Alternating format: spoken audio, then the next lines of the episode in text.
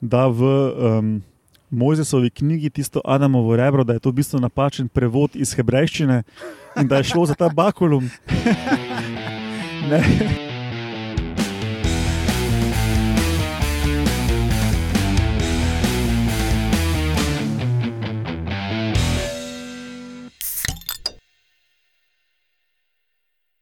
Lepo zdrav, poslušate 83. oddajo Metamorfoza, podcast o biologiji organizmov, ki vam jo predstavljamo skozi lahkoten pogovor o pivu.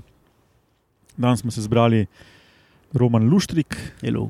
Urša Fležar Čujo. in jaz, Matjaš Gregorič, za konca Rozman sta na morju. E, tako da ne sedimo v hramu Rozman, ampak sedimo pri Romanu na vrtu, mene komari po nogah žgajo. Mene pa čisto jaz ne vem, kaj ti to Ne, delaš. tudi po glavi, pa po rokah. Uh, ja, danes je na sporedu klasična epizoda z novicami, ali ste vedeli, in vaškimi posebneži. In imeli bomo med novicami o raziskavi o prepoznavanju alarmnih klicev pri pticah in podobno o učenju dialektov pri vinskih mušicah. Oboje je neka taka komunikacija. Uh, potem, ali ste vedeli, kaj je to bakulum in baubelum? Za enega sem vedel, kaj je to, drugega me pa zanima, kaj bo. Preseneti nas. in, in vaški posebnež ali posebneži moče radi samo enim spolom. A si pripravil, kdaj snemamo? Ja, Aha. kdaj to snemamo? Na današnji dan, leta 1769, se je rodil Smi ga spizdil. ok, delite. to. Roman, je vdaril po mizi. Se po mojem se slišali. Uh, se je rodil Georges Cuvier s polnim imenom Jean-Leopold Nicolas Frédéric Baron Cuvier. Ja, Kje pa Žorž pride, kle vmes? Ja, tako so ga klicali, ne vprašaj Še nik ne je imel. ne, ne vprašaj me zakaj. Na Ircu je imel ta knjiga. Uh, ja, uh, kot ste iz uh, imena sklepali, francoski zoolog, najbolj znan kot oče paleontologije. Prvi je pokazal, da živali res izumirajo, pred njim je to bila samo neka taka kontro, kontroverzna ideja. Uh, prvi je tudi primerjal kosti fosilov s kostmi še živečih vrst in potem te fosilne vrste umeščal v obstoječ linejev sistem. Uh, med drugim je prvi opisal uh, te velike izumrle slone mastodone, pa velikega južnoameriškega lenivca Megatherium, pa letečega kuščarja Pterodactylus. Se pravi, skoraj vse like iz The Jurassic Parka. Sem mislil, da še kaj za Ice Age. No, vse, same, same. Tam, tam. Uh, no, in on je tudi pogruntal, da so včasih na Zemlji. Uh, da včasih na Zemlji niso vladali sesalci, ampak neki reptili, s tem mislim pač dinozaure. ne. Um, bil pa je tudi zanimivo goreč nasprotnik evolucije. Ja, kreacionist je bil prasac. Takrat je Lamarck recimo, bil med vodilnimi uh, temi, ki so um, trdili, da se organizmi spremenjajo v času. Ne. Se pravi, kaj on je pa mislil, da je samo en tam gor z roko zamahnil, pa je vrsta Ne, izumrla. on je trdil, da je šlo za neke ciklična, za neka ciklična izumiranja in nastanke um, istih vrst. Ne, nekaj, nekaj čudnega v tej smeri. No. Da je šlo za neke cikle, se pravi, so stvari izumirale, ampak so potem spet nastajale. Nekaj, nekaj tak. Ja, Mislim, da smo se to po enem predmetu celo učili. Kako, v bistvu on je tisti, ki je pokazal, da če veš, koliko je velik zob, pa lahko veš, koliko je velika čeljust, pa veš, koliko je velik femur, pa veš, koliko je velik telo. In, a veš, kar je vse v nekih proporcijah in lahko dejansko iz ene majhne, kosti veš, koliko je ne vem, dinozaver velik. No, in ta princip še danes uporabljajo za ekstrapolacijo mm. velikosti. Ok, gremo kar na. A, jaz imam še enega. Aha, Leta 1305 ne, ni to. ni, okay, je umrl William Wallace. Oh, škotski patriot, večina ga pa pozna uh, kot uh, glavni lik v filmu Braveheart. kot Mela Gibson, da sem zdaj. Ja. za, za dvobarno faco. Ja, tako, tako. Jaz nisem gledala tega filma. No, Škoti so hoteli se otresti jarma Angležov. Kot še danes. Skoraj- sko ne, v bistvu ne. Vse so jih vprašali, če, grejo v Dan če se odcepijo od Anglije, pa so rekli: ne, ne, Točno, niti ja. slučajno. Točno. V glavnem, on se v, v grobu zdaj malo vrača. Se je dost uh, kakih drugih filmov ali risank je imelo recimo uh, te reference na ta film, sploh ono, ko se um, zadere pred svojimi vojščaki, uh, you can take my life, but you can take my freedom ali nekaj takega. Ne? To je celo mm. South Park imel, ko so se purani uprli na Thanksgiving. imel, ko so imeli puranega Mela Gibsona. ne, se zdeli. Ja. Mogoče bom to gledala, evo, da se seznanim z zgodovinskimi dejstvi. Ok, najboljše, da začnemo z novicami.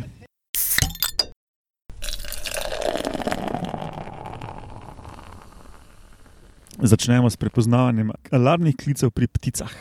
Se pravi, ptiči, ki vidijo nekega predatorja, pogosto spustijo nek tak alarmni klic, ki druge tudi obvesti, da skobec prahaja, spizdimo. ne. Um, in do zdaj, bilo, do zdaj se je vedel, da se ptiči naučijo klicev ene druge vrste. Se pravi, ko e- se ena druga vrsta zadere skobec, se nekako ne učijo, da, uh, da prahaja skobec, kljub temu, da pač je to nek tuj zvok, ne njim. Ampak se ni vedela, se to naučijo zato, ker vidijo skopca, pa s, s tem povežejo signal, ali vidijo druge ptiče, ki se zaderejo, pa pol spizdijo, ali kaj tretjega. No? V tem članku so to eksplicitno probali trenirati.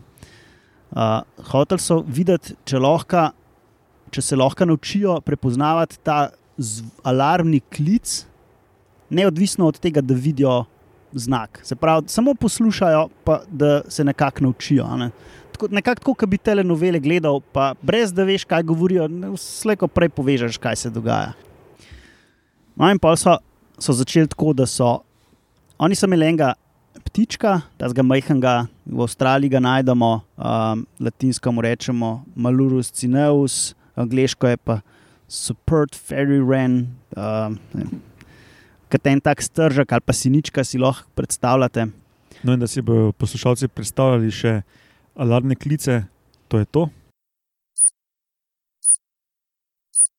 No, in so jim so imeli več ptičev, in so jim dali najprej tesno, ne, za predvajati. So rekli, ok, tole je, tole je njihov klic, alarmni, pa pol so jim tudi spustili enega tazga umetnega predatorja, pa so spizdili v grmovje, ok, se pravi, na svoje klice se odzivajo. Pol so jim pa spustili dva testna klica. En, enega so na računalnik naredili, enega so vzeli pa od enega ptiča, ki sploh ne živi zraven. Ne, na, teh, na te dva zadnja klica, ne, tega umetnega, pa na tega tujega, niso reagirali prav veliko. Ne. Pol so pa uh, bili mal iznajdljivi, pa so ta klic, umeten klic, pomešali s alarmnimi klici drugih ptičev. Ki so jih poznali že ti stržki. Tako, ja, ker, ker živijo z njimi. In so pač po nekaj ponavljanjih, so te, strž, te stržki, te ptički, so se začeli uh, so se začeli skrivati, kar nakazuje na to, da so se sam, uh, ja, pa skrbeli so tako, da niso videli teh ptičev, uh, pa ki so jim predvajali. Te zvoke so tako v stereo, z več zvočniki, šest metrov na razen so jih dali, zato da izgleda tako, da so simulirali, ne, da se res nekaj mm. -hmm. dogaja. Uh, in so se po parih ponovitvah naučili, da to, aha, um, Pač še en ptiček, ki se dere zraven, pa ga še nismo poznali, ampak Ja, no, in pol, se pravi, oni so jim to tako predvajali s temi klici teh znanih ptičev, pa so jim pa predvajali pa samo ta zvok. Ne? In so pokapirali, da okay, to je ta zvok, in so ga asociirali uh, s alarmnim klicom in so spizdali v grmovje. Uh, in to z, z obema klicama, se pravi, s tem umetnim in s tem nepoznanim uh, Ptičjim. ptičjim oglašanjem. Sprav, oni niso skužili, oni so dejansko prepoznali svoje okolice, te alarmne klice in potem te nove, neznane klice povezali tudi s, s, s nekim alarmnim stanjem in jih potem še, še, še na njih začeli odzvati. Okay. ja, pač so se naučili, da tudi ta je v istem kontekstu za razumeti. ne. Mm. Ja. Pa nikoli jim niso pokazali sokola. Ne, ne, ne nikoli. Samo preko zvoka so se naučili praktično. No? In to so prvič pokazali, da se lahko dejansko prek asociacije naučijo pač to prepoznavati kot neki. a Ne? In to je, to je v bistvu verjetno zelo koristno, a ne? da ti v okolju, kjer živiš, da nisi odvisen samo od sebe. Ja, Ampak seveda, da, ja. podpira, da nekako absorbiraš informacije iz okolja, tudi drugih vrst. Vse to pri nas tudi znano, ker se šoja zadere, uh, tudi druge živali nekako reagirajo. Ja, se to si zlahka predstavljaš, da to je selekcijska prednost za tiste osebke, ki se poskrijajo tudi ko se neke, neke druge vrste poskrijejo. Ne? Ja, Taki pač bolj preživijo in dajo svoje gene dalje. Ne? tako. Sej, v tropih imaš isto, samo da so še opice, ne? niso samo ptiči. Mm. Mm. Tudi vsi tulijo, pa dobro vejo, o čem se gre. Kaj je nevarnost, kakšna kača. Tako da to je to. No, uh, in potem, par tednov kasneje, za to študijo, ki je, prišla, je prišla še ena podobna študija, ven, ampak na vinskih mušicah. Teda sem dal to priročno v uh, isto epizodo podcasta. Ne. Gre pa pri vinskih mušicah za naslednji problem, ki ga imajo vinske mušice. Eden od problemov. Ja. Obstajajo neke ose najezdnice, ki so jim vinske mušice blazno všeč. Uh, in zakaj so jim blazno všeč tem osicam? Zato, ker te uh, mame ose najezdnice najdejo ličinke vinskih mušic in gor izležejo jajčica, in potem ličinke os požrejo pri živem telesu ličinke uh, vinskih mušic. To seveda vinskim mušicam ni všeč. Sploh vinskim mušicam, mamicam to ni všeč. Ne? Tako da, um, če vinske mušice, če samice vinskih mušic, uh, ki so breje, polna jajc, uh, zaznajo te osice, ki so jim ta glavni sovražnik, ležejo manj jajc.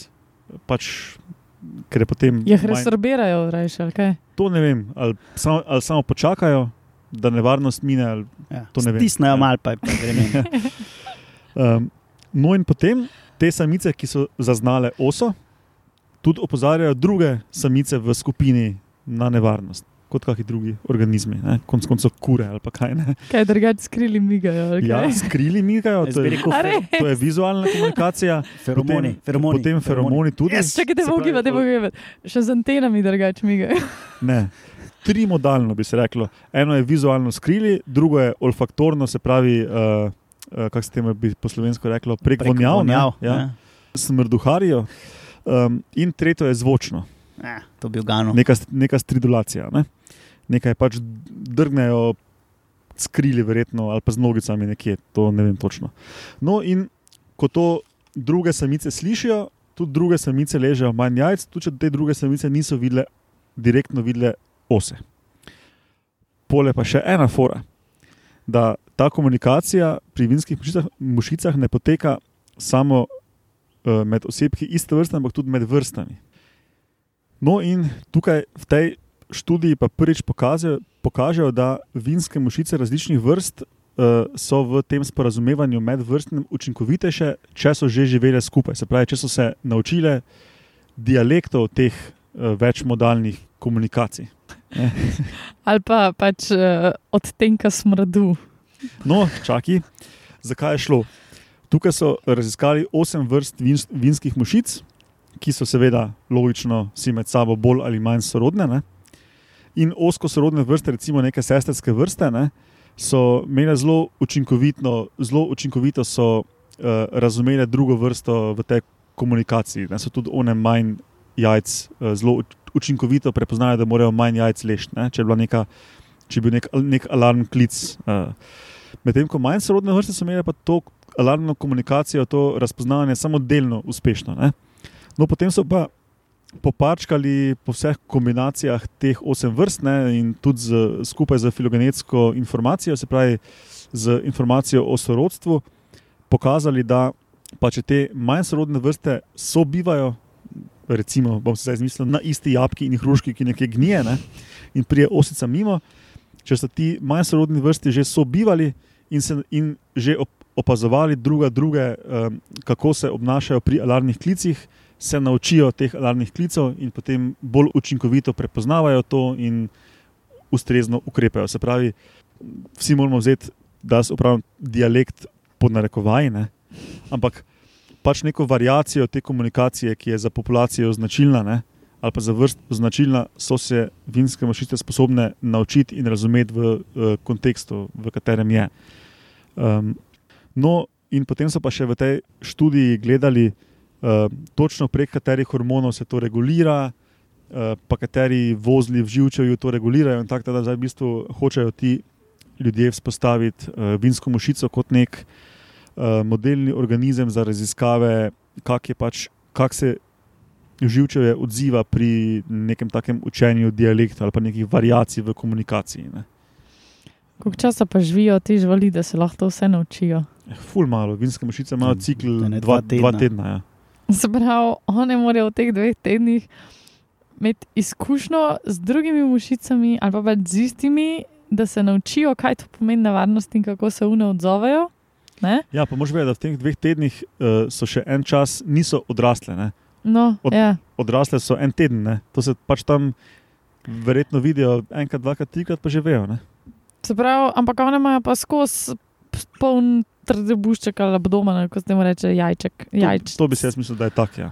Se pravi, da da jih kakorkoli lahko eh, se odločijo, kdaj in koliko jih bojo izlegle in se nekako prilagodijo Ja, na vse mogoče odletijo nevarnosti. kam drugam, če tam neke ose letajo. Zdaj to jaz ne vem točno, uh, kako postopajo pri kolikih osah. Ne?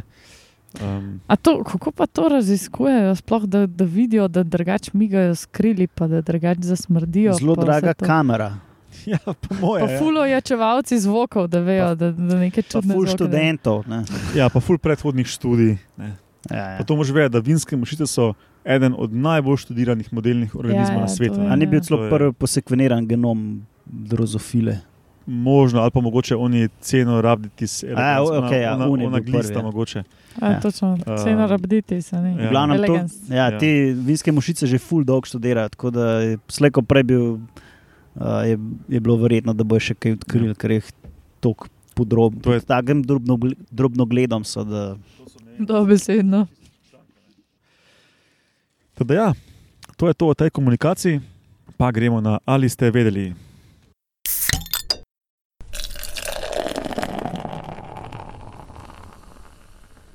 Ali ste vedeli, kaj je to bakulum in baubelum? No, Roman, kaj je to bakulum? Si rekel, da veš.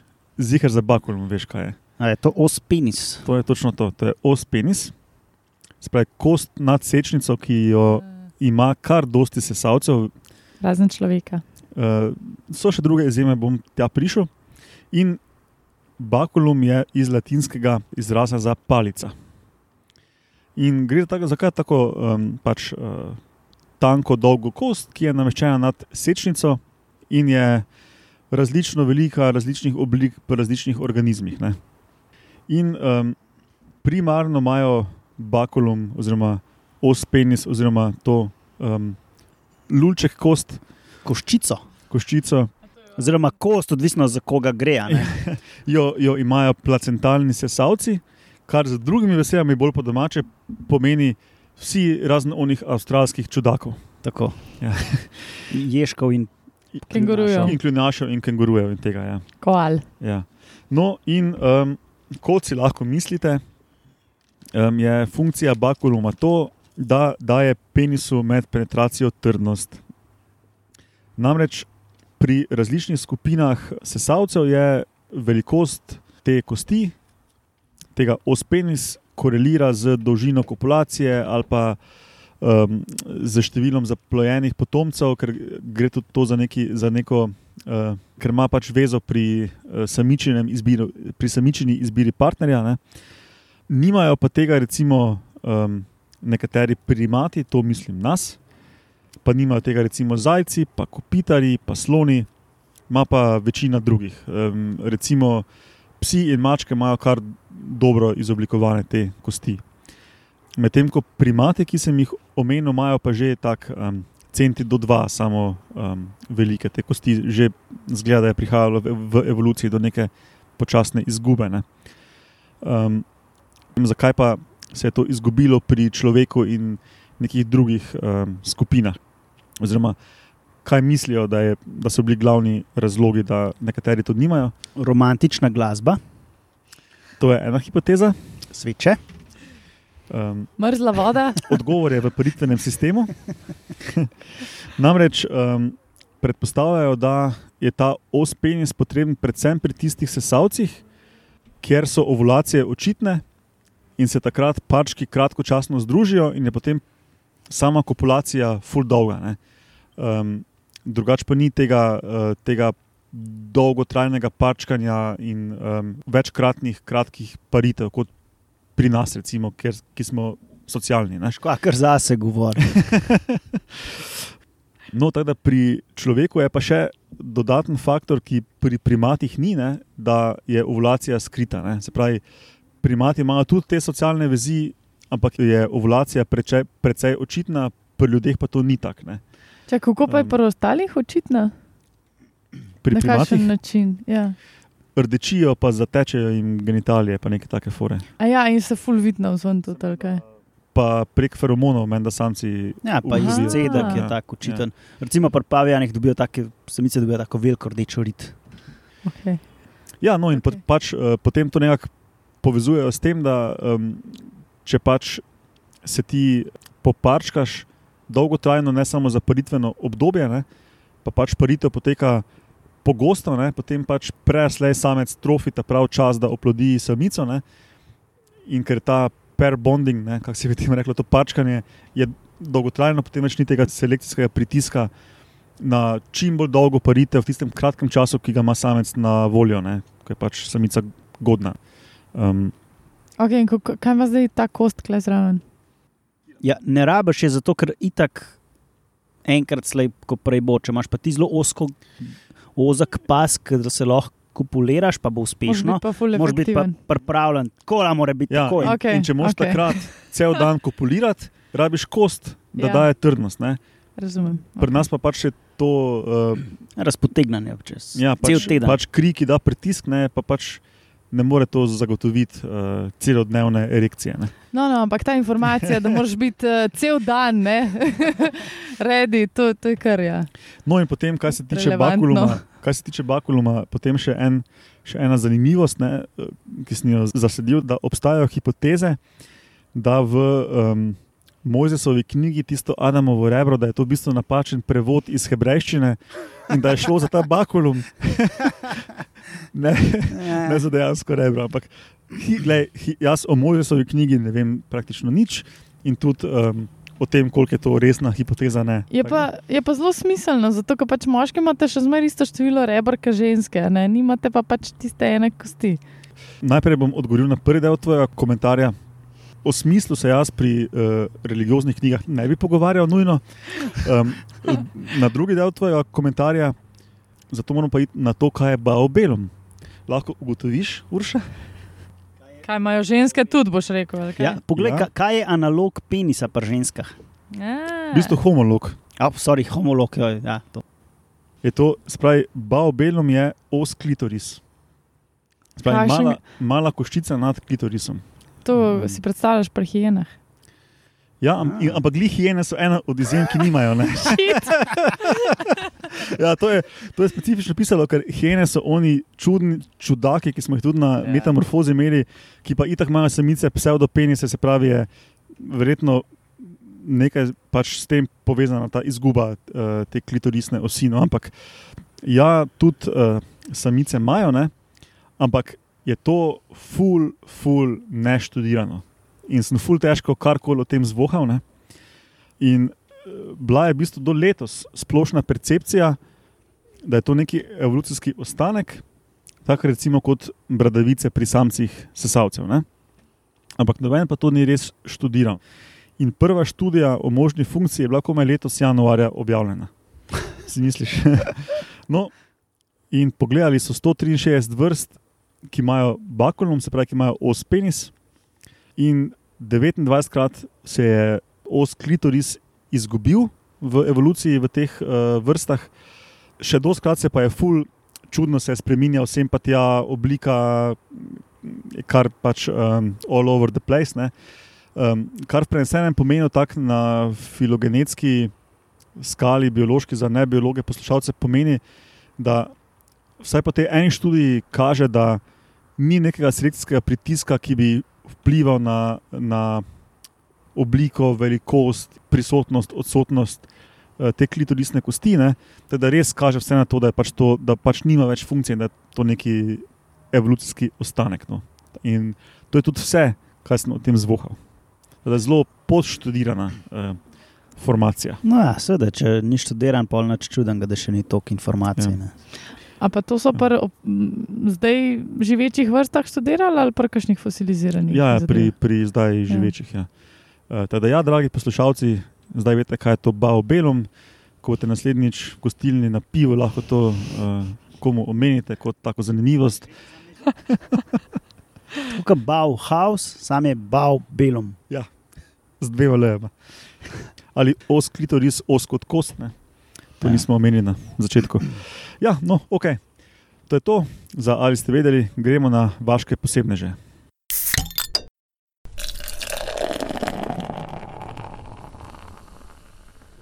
Okay, današnji vaški posebneži so prečno z opci. Nagradno vprašanje, kdo od vaju ve, kaj je to, pa ne Matjaš, kaj je pripravljal to. Roman. Prečno z opci, Kvamo, kaj tem živalem rastejo zobe poševno. Kaj? Očitno zato izgledajo, da jih nimajo. To so namreč neki močeradi. ne, ne vem, zakaj je tako im, slovensko ime, ampak očitno. Latinsko je ambistomatide. Am, Ja, ja, to ambistomatide. To je familija. Ne? Uh, to je familija, ja, ima tudi sam en rod, Ambistoma. ambistome. Mhm. Uh, po angliško je pa mole, um, mole salamanders. To si našla, zakaj je mol, če si že po naše preč, prečno zob, zob, Ne, prečno zobci. Jaz se nisem zigar, da je ta prečno z opci sploh ta pravi izraz, ampak je Mhm. pa edini, ki sem ga najdla. Skratka, za ta rod je značilno to, da obstajajo populacije, katere sestavljajo samo ženske predstavnice. Si predstavljate ta popoln svet. Te ženske, uh, oziroma samice, se samo takrat, ko pač samce potrebujejo, poslužijo njihove sperme, tako da um, v bistvu nekako katalizirajo oploditev. Ne jim dajeti, da je urša, prosim. No, čakaj, čakaj. Ne, pa sej nisem ta prva. Sej, če si gledal kakšnega Rick and Morty ali pa podobne zadeve, to ideje že obstajajo teh. Some all female worlds. Skratka, se pravi, samo v določenem trenutku, ko potrebujejo spermo kot nek katalizator za, za razvoj svojih gamet, ki jih, ki jih um, sproducirajo, uh, seveda ženskega spola, takrat se srečajo samci drugih vrst uh, iz iste skupine, in potem se iz tega med vedno spet razvijajo samo samice. Ne? In se pač te populacije samic naprej ohranjajo iz roda v rod. To je ena izredno zanimiva, mislim, izredno zanimiv pojav ne, v biologiji, kakršni, kakršno poznamo. Um, je pa res, da niso edini, ne? niso samo te močeradi, taki, ki, mislim, taki, ki imajo populacije, ki jih sestavljajo samo samice, oziroma pač en spol. Um, to poznamo tudi pri uh, kakšnih nevretenčarjih, se pravi žužkih, um, pa tudi pri eni vrsti plazilcev. No, je pa zanimivo pri teh močaradih, da, kot sem rekla, ne, to, to gre za en rod, ker je v bistvu vse skupaj zmešan. Glih zato, ker te populacije samic potrebujejo pač neko spermo, je vseeno, ne, kjera vrsta, mislim, iz, od kere vrste ta sperma pride. Tako da zdaj so delali neke genetske raziskave in so ugotovili, da v resnici genomi, pa ne morem reči teh vrst, ampak tega rodu so tako miks koktejl. Ene pet, šest različnih vrst, ki so pač prej mislili, da so posamezne vrste, ampak zdaj so ugotovili, da niso. Um, tako da čisti faktapno situacija. um, Ja, meni je bilo kar tako, um, če smo že pri angliških izrazih, sem bil mind blown, ko sem um, slišal ne zato, da imajo samo en spol, ampak da rabijo potem samce druge vrste ali pa druge populacije ali kakorkoli. ja, v bistvu bi bilo. Katerega koli samca, da katalizira ta neki razvoj. Ne? Ja, Pa zdaj vidimo, da je stvar še bolj uh, kompleksna. Ne? Ja, bož bi bilo reči druge populacije. Ker res pač včasih so mislili, da gre za ful enih vrst, ki so si sicer še vedno ful podobne, ne? um, dovolj podobne, očitno, da se lahko med sabo pač osebki parijo. Ampak potem, ko so večkrat bolj pogledali v genomiko, so videli, da v resnici ne morejo ločiti ne, med temi posameznimi vrstami, zato ker so vsi zmešani. Se pravi, to so neki hibridi hibridov, in um, zato se v bistvu tudi te mole salamanders združujejo pod ta isti rod. ne. Um, in načeloma sicer ostajajo te neke stare vrste poimenovane kot take, da se mogoče lažje razloži ta fenomen, ampak načeloma gre za nek tak, ne vem, skupek no, različnih vrst. Ja, mimo grede, Mm, tudi tisti uh, znani mehiški aksolotl Ja. je predstavnik te vrste, A poznate uh, te, pesemco? tega rodu, uh, kjer je A- pesmica. Axolotl song. To boš dal v zapiske, Matjaš. Dobro. Lahko dam za muziko zdaj v, v Ja. ozadju. Ja. I used to be an axolotl. I did what axolotls do. I breathed through gills, my skin was mottled. I know you won't believe it. No, drugač mehiški aksolotl je um, pogosta laboratorijska žival za študije regeneracije. ne.